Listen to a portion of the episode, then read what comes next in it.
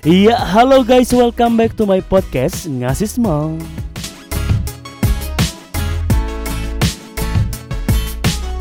Iya di hari yang cerah ini di bulan suci Ramadan gue akan kembali menemani kalian belajar mengenai pengantar ekonomi 2 Dan di episode kali ini kita akan masuk ke chapter selanjutnya. Kita akan bahas PowerPoint dari MenQ untuk chapter ke-35 So, prepare yourself and stay tuned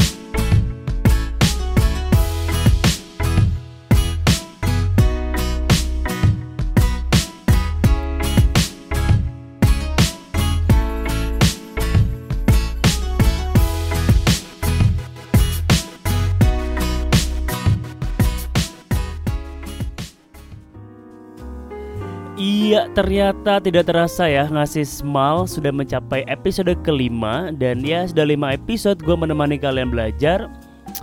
Semoga episode-episode yang gue buat ini bisa membantu kalian dan uh, dalam belajar tentunya. Dan kalian bisa lebih memahami materi untuk pengantar ekonomi 2. Dan sedihnya, sepertinya episode kelima ini akan menjadi episode terakhir atau penutup dari episode episode episode yang ada di ngasih small. Well, tidak usah bersedih.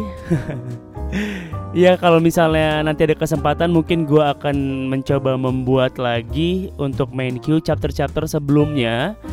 Mungkin dari chapter 1 ya let's see. Well, pada hari ini di, di episode kelima ini, di episode penutup, kita akan bahas main queue untuk chapter ke-35 Jadi silahkan dipersiapkan dulu powerpointnya Nah untuk main queue chapter ke-35 ini PowerPoint dari main queue untuk chapter ke-35 kita akan membahas mengenai The short run trade-off between inflation and unemployment. Jadi kita akan bahas trade-off antara inflasi dan pengangguran. Mungkin beberapa dari kalian langsung bisa nebak nih Nanti kita akan bahas kurva apa Iya betul, kita akan bahas mengenai kurva Phillips baik di jangka pendek maupun di jangka panjang. Jadi kita akan bahas mengenai inflasi dan pengangguran. Oke, kalian sudah mempersiapkan semuanya kan? Sudah dibuka PowerPoint-nya? Oke, good job. Oke, kalau misalnya kalian sudah buka PowerPoint-nya, sekarang kita langsung masuk ke slide yang kedua dulu kali ya. The introduction, in the long run, inflation and unemployment are unrelated. Oke, okay? jadi di sini dikasih disclaimer dulu bahwa trade-off yang terjadi antara inflasi dan pengangguran itu hanya terjadi di jangka pendek aja atau di short run economy. Sementara kalau di long run economy di mana perekonomian sudah mencapai pada tahap produksi yang optimal atau di full employment, maka perubahan harga atau fluktuasi harga atau perubahan tingkat inflasi itu tidak lagi berpengaruh terhadap tingkat pengangguran karena tingkat pengangguran sudah mencapai yang namanya natural rate of unemployment. Nah, kita masuk lanjut ke uh, slide nomor 3, the Phillips curve. Nah, Oke, jadi di chapter ke-35 ini kita akan bahas mengenai trade-off antara inflation dan pengangguran yang mana trade-off ini divisualisasikan melalui kurva Phillips. Nah, si kurva Phillips ini merupakan uh, short run trade uh, merefleksikan short run trade-off antara inflation dan unemployment di mana hubungannya itu atau slope-nya dia downward sloping. Artinya pada saat inflasinya makin tinggi, tingkat penganggurannya justru semakin turun. Dan sebaliknya pada saat inflasi semakin rendah, trade-off-nya adalah pengangguran yang semakin tinggi. Kok bisa seperti itu? Stay tune terus.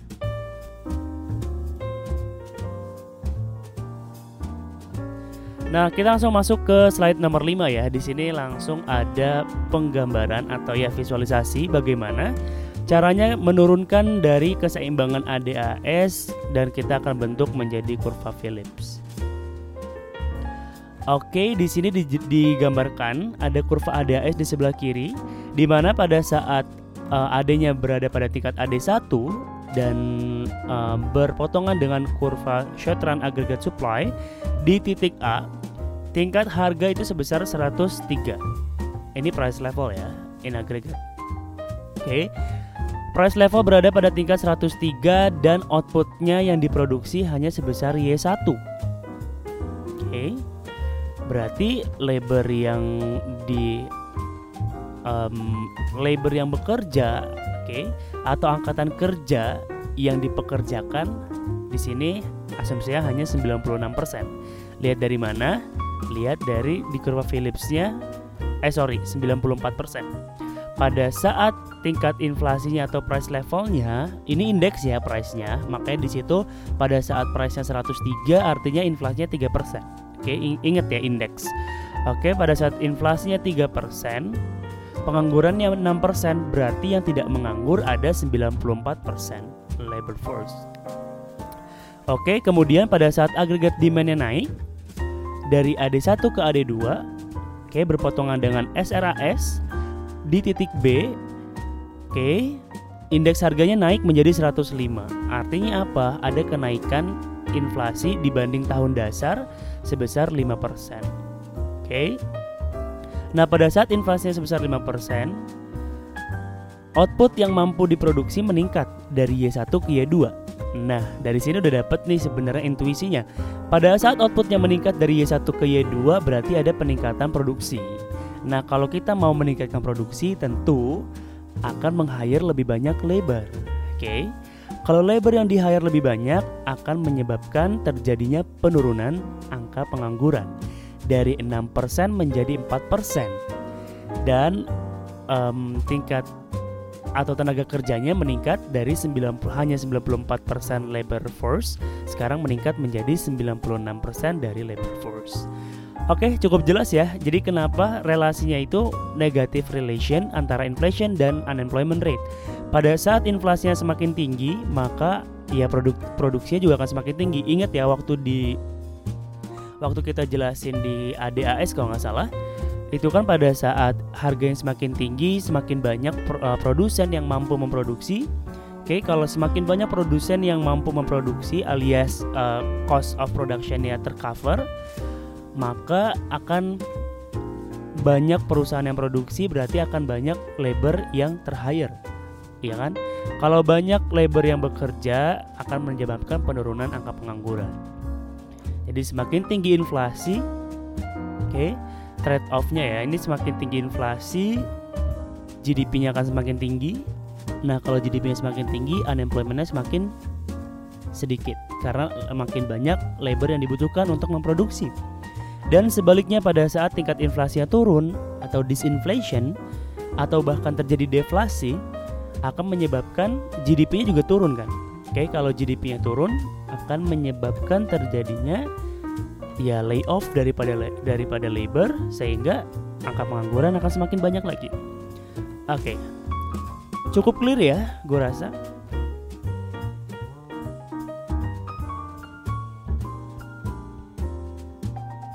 Oke, kita langsung masuk aja ke slide nomor 8.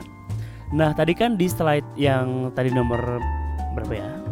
Oke, di slide nomor 5 tadi kan korelasinya negatif ya antara tingkat uh, inflasi dengan pengangguran. Tapi itu hanya terjadi dalam short run Phillips curve. Sementara kalau dalam long run Phillips curve, ingat ya, kalau long run kondisi perekonomian pada saat long run artinya apa? Di uh, perekonomian tersebut sudah mencapai output yang optimal atau perubahan harga tidak mampu lagi atau tidak berkorelasi dengan perubahan output. Jadi outputnya itu sudah mencapai full employment. Ketika harganya naik, outputnya itu tidak berubah, tetap di Y full employment. Kecuali kalau terjadi perubahan produktivitas. Oke, okay, kayak misalnya ya teknologinya semakin canggih sehingga dengan labor capital resources yang ada kita bisa memproduksi lebih banyak. Tapi kalau misalnya semua asumsinya ceteris paribus pada saat inflasi naik dalam jangka panjang outputnya tidak berubah. Oke, kalau outputnya tidak berubah berarti tidak ada perubahan penggunaan labor. Oke, selain itu kan ya udah jelas tadi sudah full employment istilahnya aja udah full employment berarti semuanya sudah digunakan. Pada saat harganya makin tinggi dalam jangka panjang maka tidak akan ada perubahan labor yang di hire lagi sehingga unemployment rate-nya tidak berubah, hanya mencapai natural rate of unemployment atau pengangguran-pengangguran alamiah. Nah, siapa sih yang kenapa dalam jangka panjang itu masih ada pengangguran? Padahal kan sudah dikatakan dia full employment, tapi masih ada pengangguran. Nah, mereka-mereka ini yang menganggur dalam jangka panjang atau dalam kondisi full employment masih ada yang menganggur, mereka-mereka itu adalah pengangguran yang disebut pengangguran ya frictional. Jadi mereka yang sengaja menganggur atau keluar dari pekerjaannya untuk mencari pekerjaan yang lebih baik lagi tapi belum mendapat pekerjaan seperti itu. Atau pengangguran siklikal juga.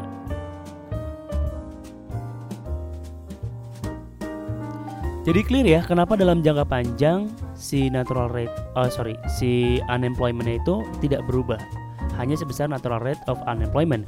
Dan di sini divisualisasikan di slide nomor 9, the vertical long run Phillips curve.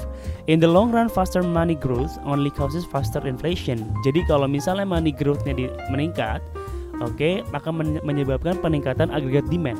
Oke. Okay? Ya kan karena uang beredar makin banyak, maka ya konsumsi juga bisa semakin banyak kalau konsumsi semakin uh, sorry kalau pertumbuhan uang semakin tinggi maka cadangan kas di bank-bank umum atau di sistem perbankan atau sistem moneter akan semakin banyak sehingga peluang untuk investasi dan peluang untuk um, consumption itu akan semakin besar sehingga agregat demandnya meningkat dari AD1 ke AD2 Oke, sementara di sini berpotongan dengan kurva, kurva long run aggregate supply. Oke. Pada saat AD-nya sebesar AD1, proses sebesar P1 atau low inflation, penganggurannya tetap di level natural. Kemudian pada saat AD-nya naik dari AD1 ke AD2 akibat ya money growth tadi yang menyebabkan inflasinya naik. Kalau inflasinya naik tapi outputnya sudah dalam uh, full employment, maka tidak terjadi perubahan output, maka tidak terjadi pula yang namanya perubahan angka pengangguran atau penganggurannya tetap pada level natural rate of unemployment.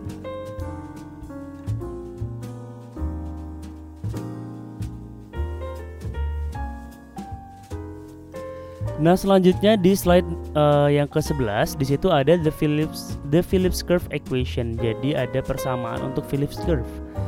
Anyway, tadi kan kita kita tadi bahas ya mengenai ya pengangguran itu sebenarnya tergantung dari besar output yang diproduksi. Artinya apa? Pengangguran itu bisa dikatakan fungsi dari output. Nah, nanti di makro satu kalian mungkin yang ilmu ekonomi ya akan belajar lebih lanjut lagi ada yang namanya perubahan dari Phillips curve gitu. Di mana dia slope-nya itu bukan antara inflasi dan pengangguran tapi antara inflasi dengan GDP gap dan nanti slope-nya akan upward sloping. Nah, cuma itu nanti di makro 1. Jadi ada korelasi antara pengangguran dengan output seperti itu. Ya sebenarnya pengangguran adalah fungsi dari output juga sih bisa dikatakan seperti itu. Well, di slide nomor 11 di situ ada Phillips curve equation di mana unemployment rate yang actual unemployment rate itu sama dengan natural rate of unemployment dikurangi alpha Terus dalam kurung selisih antara actual inflation dan expected inflation. Nah, di sini ada kata expected inflation. Oke. Jadi ada ekspektasi terhadap tingkat inflasi dan ada tingkat inflasi yang aktual. Kalau misalnya actual inflation itu sama persis dengan apa yang sudah diekspektasikan atau uh, sama persis dengan ekspektasi inflasinya, jadi biasanya kalau di ekonomi itu di awal tahun biasanya ada yang uh, ya policy makers gitu baik Kementerian Keuangan atau Bank Indonesia itu akan mengeluarkan seperti um, ekspektasi inflasi untuk tahun ini berapa persen gitu. Sementara kan pada saat tahun berjalan ternyata bisa aja inflasinya itu di atas yang diekspektasikan atau di bawah yang diekspektasikan atau sama dengan yang diekspektasikan. Nah, kalau misalnya actual inflation itu sama dengan expected inflation, otomatis selisihnya itu kan sama dengan nol. Oke. Okay? Maka yang terjadi adalah unemployment rate-nya itu akan sama dengan natural rate of unemployment. Artinya apa? Dia sudah mencapai di titik uh, long run-nya. Oke. Okay? Jadi besarnya pengangguran sama uh, current unemployment atau actual unemploymentnya sama dengan natural rate of unemploymentnya. Artinya sebenarnya Y actual GDP-nya sama dengan potential GDP-nya. Seperti itu. Ya sama seperti equation yang di episode 4 kemarin di chapter ke-34 kemarin yang tentang actual GDP dan ya uh, actual GDP sama GDP potential seperti itu. Nah, kebalikannya kalau misalnya inflasi yang actualnya itu lebih besar daripada yang expected inflation. Oke, apa yang terjadi berarti actualnya lebih besar, maka nilainya positif kan. Oke, maka unemployment rate-nya itu akan lebih kecil dibanding natural rate of unemployment. Nah, kalian bisa coba analisis aja dari equation ini apa yang terjadi kalau misalnya actualnya itu tidak sama dengan expected inflationnya. Oke. Okay? Short run, Fed can reduce unemployment rate below the natural rate of unemployment by making inflation. Nah, jadi kalau dalam short run, kalau misalnya the Fed ingin, ini kasusnya Amerika ya. Kalau misalnya the Fed ingin mengurangi unemployment rate di bawah natural rate of unemploymentnya. Jadi misalnya natural rate of unemploymentnya 10%. Si the Fed itu pengen pengangguran itu di bawah 10%, maka yang harus uh, ditargetkan bahwa inflasinya itu harus lebih besar daripada yang diekspektasikan. Oke, okay, based on equation aja.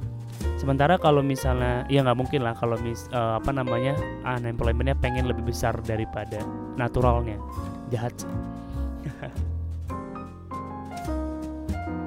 Sementara kalau dalam long run, expectation catch up to reality. Jadi ekspektasinya itu ya catch up dengan realitinya sehingga unemployment rate-nya itu akan kembali pada level natural rate of unemployment-nya. Ya walaupun inflasi itu bisa besar ataupun bisa rendah. Tapi kalau misalnya dalam jangka panjang, ekspektasinya itu akan sama dengan actualnya gitu. Jadi unemployment rate-nya, actual unemployment rate dan natural unemployment rate-nya itu sama. Oke, okay. nah kemudian kita masuk ke slide ke ke-12, how expected inflation shift the uh, Phillips curve. Jadi di sini ya, di sini kita perhatikan dulu titik perpotongan antara uh, uh, sorry di titik A terlebih dahulu. Nah, di sini di poin A kita fokus pada poin A pada saat uh, fokus pada short run Phillips curve dulu ya, yang PC1. Oke. Okay. Di slide nomor 12, fokus pada PC1 di mana di titik A, awalnya inflasi sebesar 3%, penganggurannya sebesar 6%. Kemudian inflasi naik menjadi 5% akibat Fed max inflation 2% higher than expected. Oke. Okay. Jadi awalnya dia um, ekspektasi inflasinya 3%, kemudian si The Fed itu naikin inflasi menjadi 2 uh, persen lebih tinggi sehingga inflasinya sekarang menjadi 5%. Kalau nah, kalau misalnya inflasinya naik jadi 5% di short run, short run Phillips curve, unemploymentnya akan turun. Kenapa? Diingat di sini ada yang namanya sticky wage. Oke. Okay? Di short run itu ada yang namanya sticky wage di mana pada saat harga semakin tinggi maka seharusnya upah itu kan semakin tinggi juga karena upah itu adalah fungsi daripada harga. Ketika harganya naik, upahnya harusnya naik. Cuma di short run itu ada sticky wage di mana upah-upah itu biasanya sudah ada kontraknya. Jadi pada saat harga naik atau inflationnya naik, tingkat upah itu tidak serta merta langsung naik. Oke. Sehingga di situ ada relatif upah itu menjadi relatif lebih murah dibanding tingkat harga produknya. Oleh sebab itu maka produsen atau misal uh, perusahaan-perusahaan itu akan meng-hire more labor. Oke. Okay? Karena upahnya relatif lebih murah. Akibat sticky wage tadi. Nah, karena si perusahaan itu meng-hire more labor, maka penganggurannya di short run itu akan turun dari 6% menjadi 4% aja. Nah, sementara dalam jangka panjang itu akan kembali lagi menjadi 6% lagi. Kenapa? Karena dalam jangka panjang, oke, okay, tingkat inflasinya kan tadi 5%, ya kan? Tingkat inflasi tadi 5%, kayak udah nggak berubah tuh.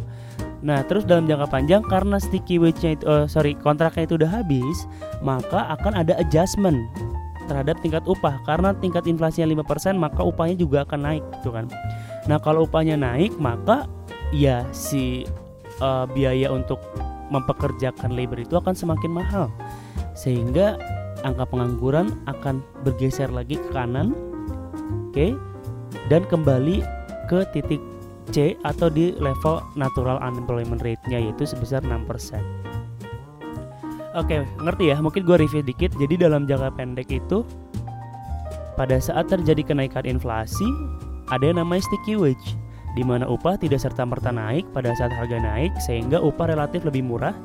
Perusahaan akan meng-hire more labor, oke, okay, sehingga unemployment rate-nya turun, tapi dalam jangka panjang dia akan kembali ke level naturalnya. Kenapa? Karena inflasinya tadi naik, upah juga akan naik kan. Karena sudah ada adjustment. Nah, pada saat sudah ada adjustment di mana tingkat upah naik, berarti biaya dari mempekerjakan labor itu akan naik. Sehingga ya akan lebih banyak, akan banyak labor yang di layoff dan pengangguran akan kembali pada level natural. Ya, intinya seperti itu. Oke. Okay? Nanti juga kondisinya sama kalau misalnya deflasi. Kalian tinggal analisis saja.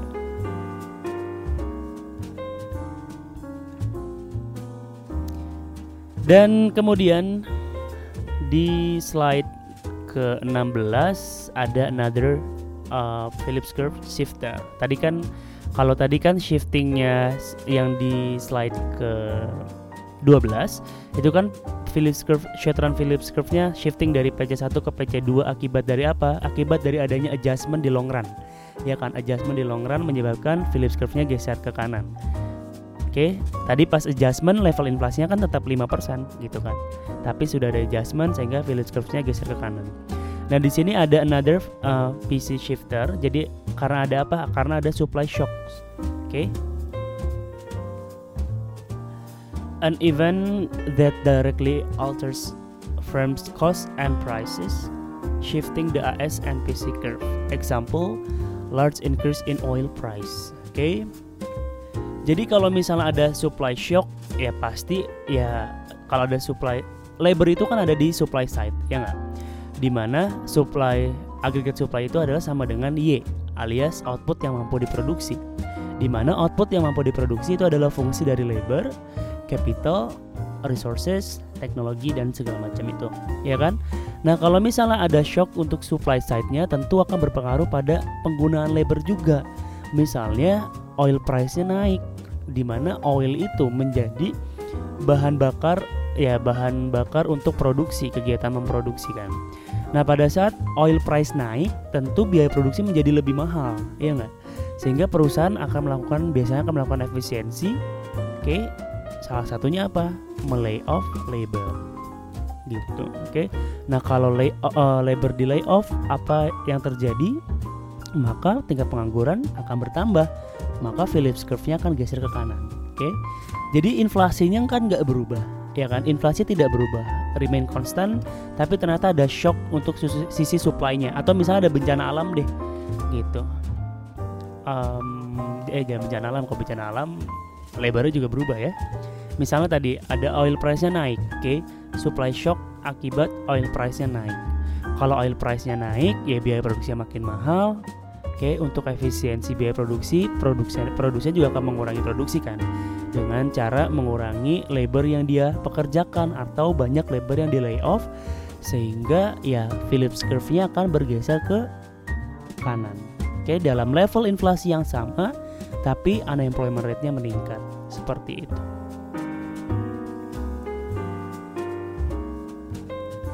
Nah, hal tersebut direfleksikan atau divisualisasikan di slide nomor 17 ada how an adverse supply supply shock shift the Phillips curve. Nah, di situ kan seperti tadi kita sudah bahas ya. Pada saat oil pricesnya naik, maka biaya produksinya naik sehingga short run agregat supply-nya bergeser ke kiri. Kalau supply uh, agregat supply-nya bergeser ke kiri, apa yang terjadi? Oke. Okay. Di situ Phillips curve-nya akan bergeser ke kanan. Oke. Okay? Jadi ini efeknya itu lewat supply supply side ya. Pada saat SRS geser ke kiri pindah dari berpotongan dari A ke B, inflasinya naik dari P1 ke P2. Oke. Okay? Tapi di sini bukan si uh, si Phillips curve-nya itu tidak bergeser ya. Maksudnya ya tidak movement along the curve tapi dia bergeser, oke? Okay? Karena apa? Karena supply shock tadi akan menyebabkan apa namanya biaya biaya uh, biaya produksi yang naik si labornya itu akan di lay off seperti itu dan di sini SRS-nya geser dari SRS SRS 1 ke SRS 2 di mana menyebabkan tingkat inflasinya naik dari P1 ke P2, GDP-nya turun dari Y1 ke Y2 dan akibat oil price tadi oil price-nya naik maka banyak labor yang di layoff. Oke. Dan di sini dia berubahnya dari titik A ke titik B di mana tingkat inflasinya menyesuaikan pada tingkat inflasi hasil perpotongan di agregat demand dan agregat supply. Seperti itu. Tapi kurvanya tetap shifting. Oke, karena di sini yang berubah duluan adalah uh, adanya shock. Oke, bukan dari perubahan si um, apa namanya in uh, price atau inflation rate duluan.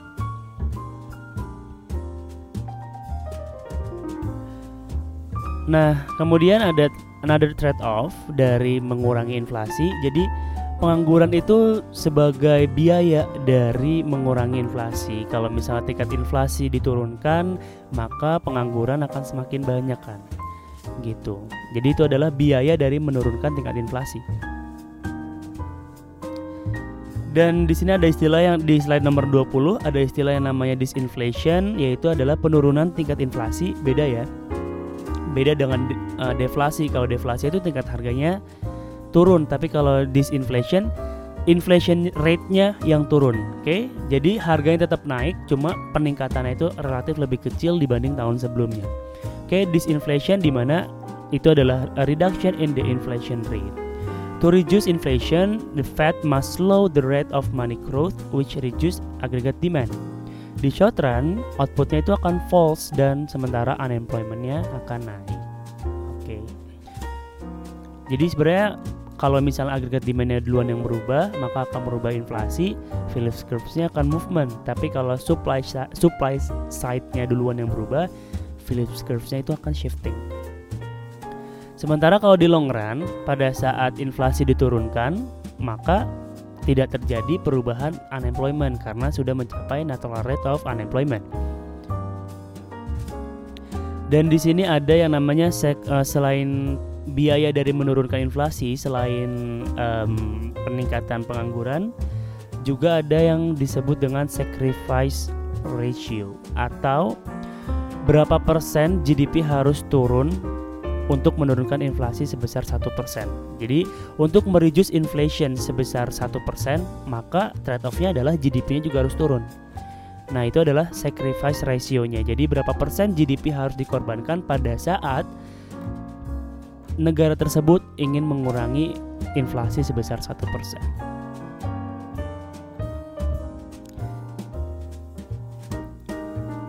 Nah, di situ banyak insight-insight yang bisa kalian baca. Well, sudah selesai episode kali ini. Cukup singkat di episode penutup di episode kelima ini. Mungkin menjadi episode paling singkat ya. Cuma sekitar ya nggak nyampe 30 menit. Oke okay guys, mungkin cukup sekian uh, episode ngasih smile untuk episode kelima Mikey chapter ke-35 ini. Dan terima kasih banyak buat kalian yang sudah setia untuk mendengarkan penjelasan gua via podcast ngasih smile dari mulai trailer mungkin ya sampai ke episode kelima. Thank you banget guys. Karena ya kalau misalnya kalian rajin mendengarkan ya gue juga jadi semangat untuk membuatnya. Seperti itu. Dan semoga apa yang sudah gue sampaikan, apa yang sudah gue buat di podcast ngasih smile ini bisa bermanfaat dan menambah pemahaman kalian mengenai eh, konsep-konsep uh, di basic ekonomi terutama buat open ekonomi ini. Dan semoga juga kalian bisa menjadi apa ya wawasannya lebih bertambah sehingga ketika mendapatkan berita-berita mengenai perekonomian kalian juga udah mulai paham dan bisa mulai ya mengkaji ya kecil-kecil lah mengkaji fenomena-fenomena ekonomi yang terjadi di sekitar kita terutama di uh, pandemi seperti ini itu pasti sangat menarik oke okay? ya mungkin ini adalah episode terakhir untuk series ngasih small tapi gue sih pengen masih berkarya melalui channel podcast ini dan ya mungkin ke depannya akan gue isi dengan seri-seri yang lebih santai dan sharing-sharing tentang banyak hal. Pokoknya thank you very much buat kalian yang udah setia mendengarkan ngasih smile dari episode 1 sampai terakhir kali ini. Pokoknya tetap semangat, stay healthy and Bye bye.